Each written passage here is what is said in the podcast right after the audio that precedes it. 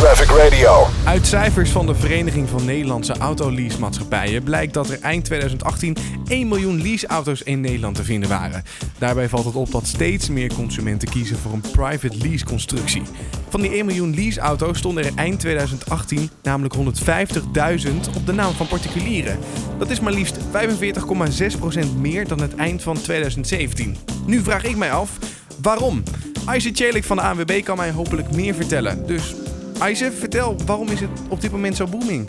Nou, waarom is het zo booming? Is dat mensen meer op zoek zijn naar eh, gemak en zekerheid. Want met private lease heb je een vast bedrag uh, per maand die je betaalt. En daarin heb je eigenlijk alle ja, onderdelen zoals onderhoud, verzekering.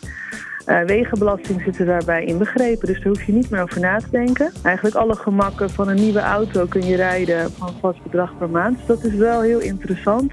En nu komen dus sommige studenten van, uh, van een opleiding af. Er is een kans dat je een studieschuld hebt. Kom je dan als student nog wel in aanraking voor zo'n private lease? Je kan, ook al heb je bijvoorbeeld een schuld op je naam, uh, kan je bijvoorbeeld net zoals een hypotheek, kan je alsnog een auto leasen. Het gaat meer om, uh, heb je betaalachterstanden opgelopen, waardoor je dus een soort van markering hebt. Waar ze naar kijken met die toetsing is ook naar het hoogte van je salaris en of dan, weet je, wat er overblijft, of dat dan genoeg is om die auto te kunnen betalen. Dus die kunnen, zouden bijvoorbeeld niet een hele dure auto kunnen leasen, maar misschien wel een goedkopere auto.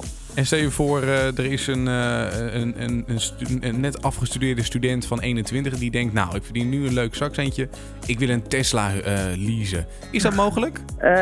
als diegene heel veel geld verdient, zou het theoretisch mogelijk kunnen zijn. Er is een soort van rekenmodel, dus als die auto, de maandelijkse kosten van die auto zou je uh, moeten kunnen uh, dragen op je salaris. Hey, en stel je voor, je besluit nu om een auto te leasen bij jullie, bij de ANWB.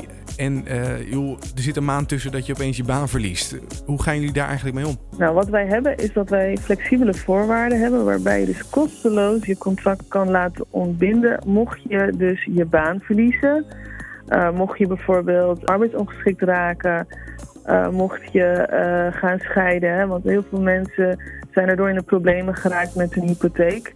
Uh, doordat ze gingen scheiden en niet meer de kosten kunnen, konden dragen. En nou ja, dat vinden wij heel belangrijk, dat je ergens instapt. Maar als er iets gebeurt waaraan jij eigenlijk niks aan kan doen, dat je er wel van af kan en dat je niet een hoge boete hoeft te betalen. Want dat moet bij heel veel leasemaatschappijen wel. En bij ons mag je daar gewoon kosteloos dan van af. En dan zodra je dan weer uh, in een betere uh, positie bent, kun je dan weer een contract afsluiten. Hey, en even als afsluiter, ja? denk jij dat leasen uiteindelijk gaat, uh, tussen aanhalingstekens, gaat winnen van, van, van kopen?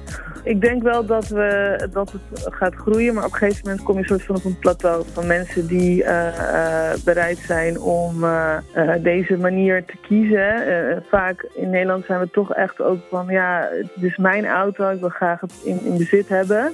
Dus dat, dat bezit hebben van een auto is nog wel, ja, ik denk nog, nog, nog steeds een ding. We hebben nog steeds zoveel miljoenen auto's rondrijden.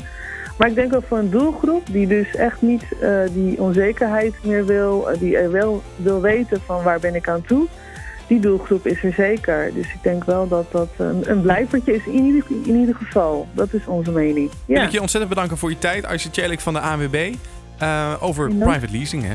Yes. Nou, wens ik je een hele fijne dag. Dankjewel. Traffic Radio.